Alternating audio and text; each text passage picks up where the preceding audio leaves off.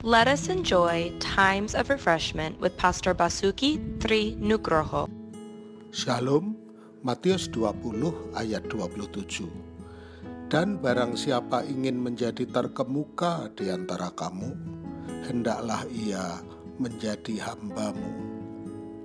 Pemimpin besar pertama dipandang sebagai pelayan, dan fakta sederhana adalah kunci keagungannya. 2000 tahun yang lalu, Yesus mengajarkan kebenaran itu kepada murid-muridnya dan menjalaninya. Sebagai anak Allah, dia telah diberi segala kuasa di surga dan di bumi. Matius 28 ayat 18. Namun dia tidak memaksa orang untuk mengikuti dan menaatinya.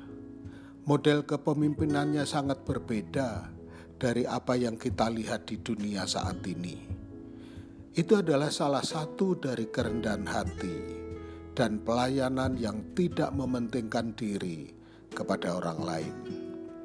Kepemimpinan melayani menggunakan segala kesempatan, kekuatan, dan pengaruhnya untuk membawa orang kepada hubungan yang benar dengan Allah.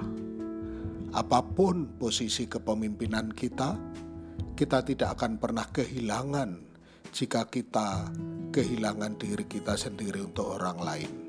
Layanan yang memperhatikan orang lain adalah dasar dari kebesaran sejati. Tuhan memberkati.